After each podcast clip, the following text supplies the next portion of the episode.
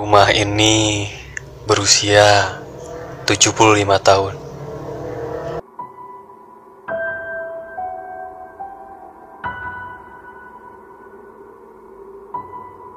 Selama itu juga, hal yang mengerikan menyertai rumah ini.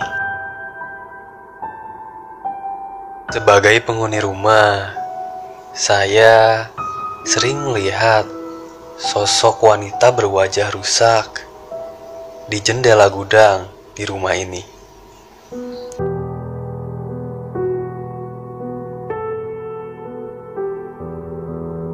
Bukan hanya itu, tapi kejadian yang mengerikan lainnya saya alami di sebuah kamar yang terletak di samping ruang tamu, di mana di kamar tersebut adalah tempat saya untuk beristirahat.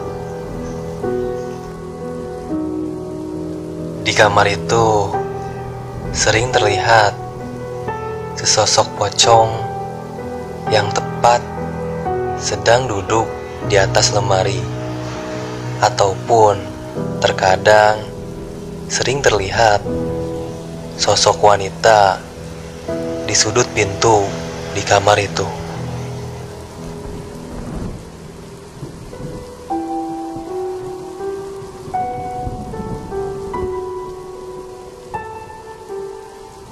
Di kamar mandi ini, saya pernah melihat sepenggal kepala wanita melayang-layang di atas langit-langit di kamar mandi ini.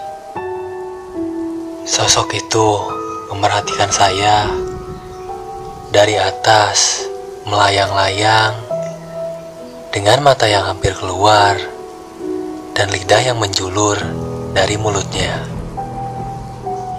Di kamar yang dekat area dapur ini sering nampak sesosok noni Belanda yang gemar menyisir rambutnya sambil duduk di pinggir kasur sembari bersenandung.